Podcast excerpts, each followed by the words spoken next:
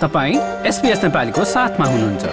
अरू रोचक सामग्रीहरूका लागि SBS dot com dot slash Nepali जानुहोस्।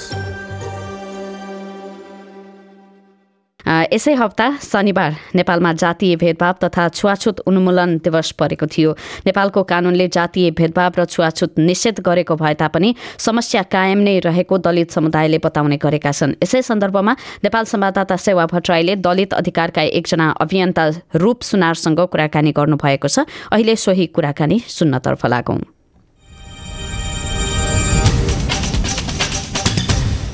यो हप्ता शनिबार चाहिँ जातीय भेदभाव तथा छुवाछुत उन्मूलन दिवस परेको छ शनिबार चाहिँ होइन?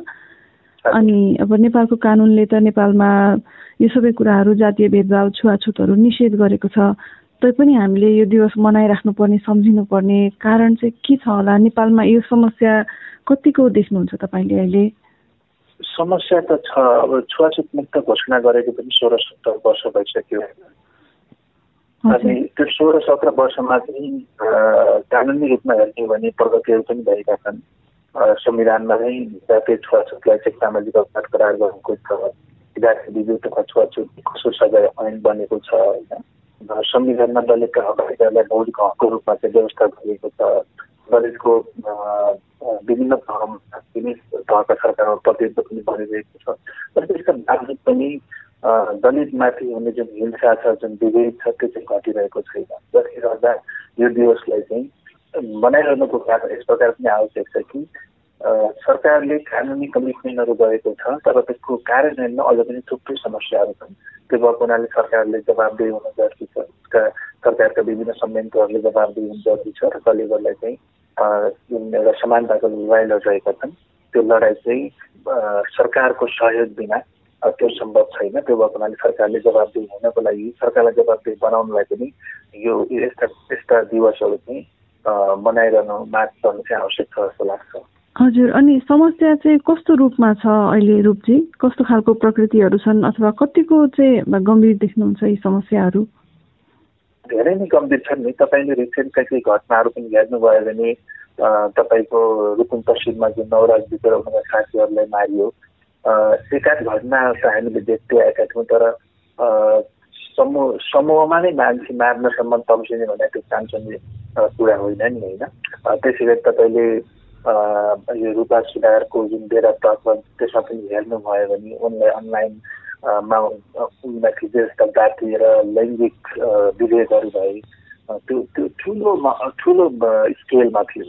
अब सबैभन्दा पछिल्लो उसमा हेर्नुभयो भने जस्तो सुन्दर हरिजनको के प्रिजनभित्र नै कैदी छाटाछाट गरेर मान्छे आफ्नो ज्यान गुमाइरहेको अवस्था छ। त्यो भएको हुनाले यो जाति विभेदका घटना हाम्रो यति स्ट्रङ कानुन छ संविधानमा उल्लेख छ त्यसले हेर्दा त घट्दै जानुपर्ने हो तर बढिरहेको अवस्था छ कि? अब यसमा कहिलेकाहीँ हामी कार्यान्वयनमा ठुलो चुप भइरहेको छ कि भन्ने चाहिँ लाग्छ। यी त भए धेरै गम्भीर घटनाहरू जुन कहिलेकाहीँ भइरहन्छन्। अनि दैनिक जीवनमा दलित युवाहरूले कस्तो खालको सङ्घर्षहरू सामना गरिराख्नु परेको छ अहिले पनि?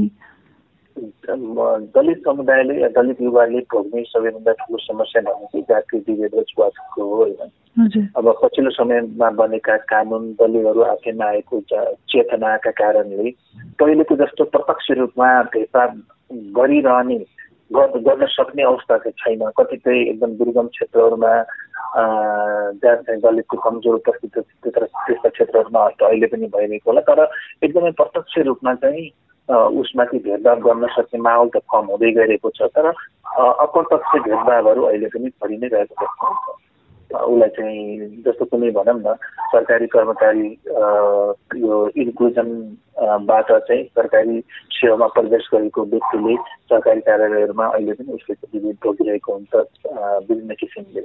तर हाम्रो समाजमा चाहिँ अब कतिपय मानिसले चाहिँ अब विभेद छैन अथवा यी जुन समस्याहरू हुन् यी जातको कारणले भएका होइनन् भन्ने खालका धारणा चाहिँ बारम्बार देखिन्छन्। तपाईँले अघि भन्नुभएको जुन घटनाहरू थिए नवराजको होस् वा रूपा सुनारको होस् यो जातको समस्या होइन अरू नै समस्या हो भन्ने किसिमको विचारहरू देखिन्छन्। यस्तो किन भएको होला रुचि र मानिसहरूलाई कसरी चाहिँ यो समस्या छ भनेर बुझाउन सकिन्छ होला?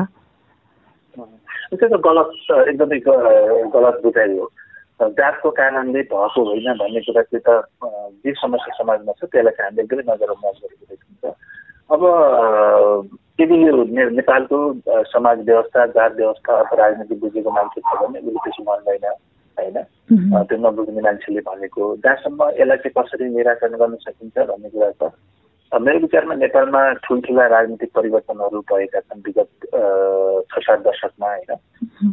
राजनीतिक परिवर्तनहरू भए तर त्यो राजनीतिक परिवर्तन सँगसँगै हाम्रो सामाजिक सांस्कृतिक परिवर्तन हुन सकिने कि जस्तो लाग्छ। जुन समाजको मनोविज्ञान हुन्छ नि समाजको मनोविज्ञानलाई परिवर्तन गर्ने जात व्यवस्थाको बारेमा बुझाउने यो चाहिँ यो चाहिँ दलितहरूका लागि मात्र होइन नेपालको समग्र विकास र अर्थव्यवस्थालाई यसले कसरी पछाडि धकेलिरहेको छ यसका बेफाइदाहरू के छन् हाम्रो समाज कसरी मानसिक रूपमा विकसित भइरहेको छ भन्ने कुरा हामीले सामाजिक सांस्कृतिक आन्दोलनबाट बुझाउन नसकेको भएर नै यो समस्या हल हुनेतर्फ भन्दा पनि अझ अलिक विस्तृत हुँदै गइरहेको हो कि जस्तो लाग्छ। त्यो भएको हुनाले यसतर्फ चाहिँ सामाजिक सांस्कृतिक जनचेतना जगाउने खालका मुभमेन्टहरू आवश्यक हुन्थ्यो जस्तो लाग्छ मलाई। नेपालमा दलित आन्दोलन त भइरहेको छ तर त्यो दलित आन्दोलनले जुन एक प्रकारको एकाडेमिक ब्याकअप पाउनु पर्ने त्यो हुन सकिरहेको छैन त्यो एउटा ग्याप देखिन्छ। यहाँभन्दा अगाडि दलित मुभमेन्ट एक किसिमको भनौँ न इमोसनली गाइडेड थियो। हामीमा त्यो अन्याय भयो यसलाई हटाउनुपर्छ यो अत्याचारलाई हटाउनुपर्छ भन्ने इमोसनली गाइडेड थियो भने अरूको दलित मुभमेन्ट चाहिँ दुईवटामा आधारित हुनुपर्छ त्यो चाहिँ एभिडेन्सेसमा आधारित हुनुपर्छ। पोलिसी इस्युजमा छलफल हुनुपर्छ एक्टिभिजम पनि आवश्यक भयो। किन भन्नाले एक्टिभिजम तपाईँको जुन किसिमका तथ्य तथ्याङ्कहरू छन् जुन किसिमका पोलिसी इन्साइट्सहरू हुन्छन् त्यो नभइकन मात्र हामीले इन्टरले के भन्छ एक्टिभिजम गऱ्यौँ भने त्यो सक्सेसफुल हुन सक्दैन। त्यो भएको हुनाले अबको एक्टिभिजम चाहिँ एकाडेमिक एक्टिभिजम हुनुपर्छ भनेर त्यसमा पनि काम गरिरहेको छ। त्यस अन्तर्गत विभिन्न नीति निर्माताहरू सांसदहरूसँग निरन्तर रूपमा नीतिगत संवादहरू गर्ने होइन? विभिन्न सरकारले ल्याएका पोलिसीहरू मा चाहिँ रिसर्च गर्ने त्यसले त्यसले ल्याएका जुन ल्याएका नीतिहरू हुन्छ त्यसको प्रभाव के हुनुपर्छ। भन्ने कुराहरू छलफल संवाद गर्ने लगायत कामहरू गर्छौँ भने अर्को चाहिँ यो एडभोकेसीको काम पनि इम्पोर्टेन्ट हो। प्रधानमन्त्री के शर्मा हुने हुँदाखेरि उहाँले चाहिँ समृद्धि भन्ने नारालाई अगाडि सार्नुभयो होइन। समृद्धिलाई नेसनल गोलको रूपमा प्रोजेक्ट गरियो। तर त्यो समृद्धिको इकोनोमिक पोइन्ट अफ भ्यूबाट व्याख्या विश्लेषण भयो होइन। तर त्यसको सामाजिक पोइन्ट अफ भ्यूबाट के हो त समृद्धि? जो समुदाय इतिहासदेखि नै पछाडि पारिएको छ त्यसका लागि समृद्धि भन्ने के हो? अझ भनौँ दलितका लागि समृद्धि भन्ने चाहिँ के हो भनेर हामीले एउटा अध्ययन गरेका थियौँ त्यतिखेर।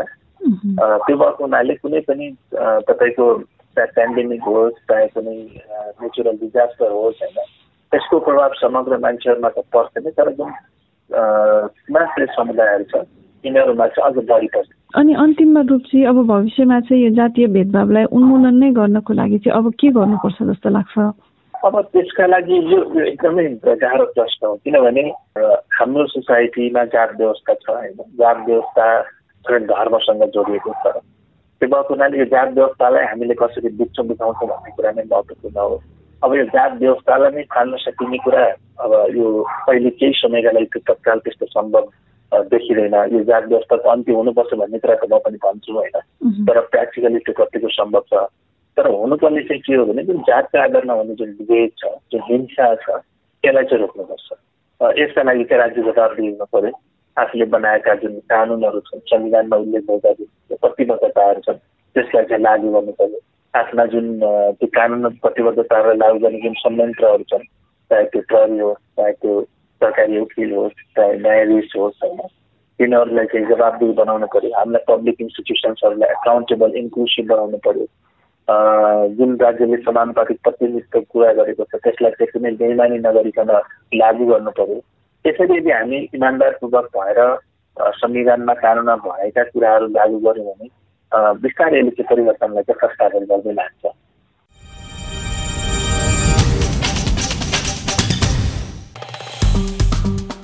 लाइक सेयर र कमेन्ट गर्नुहोस्। एसपिएस नेपालीलाई फेसबुकमा साथ दिनुहोस्।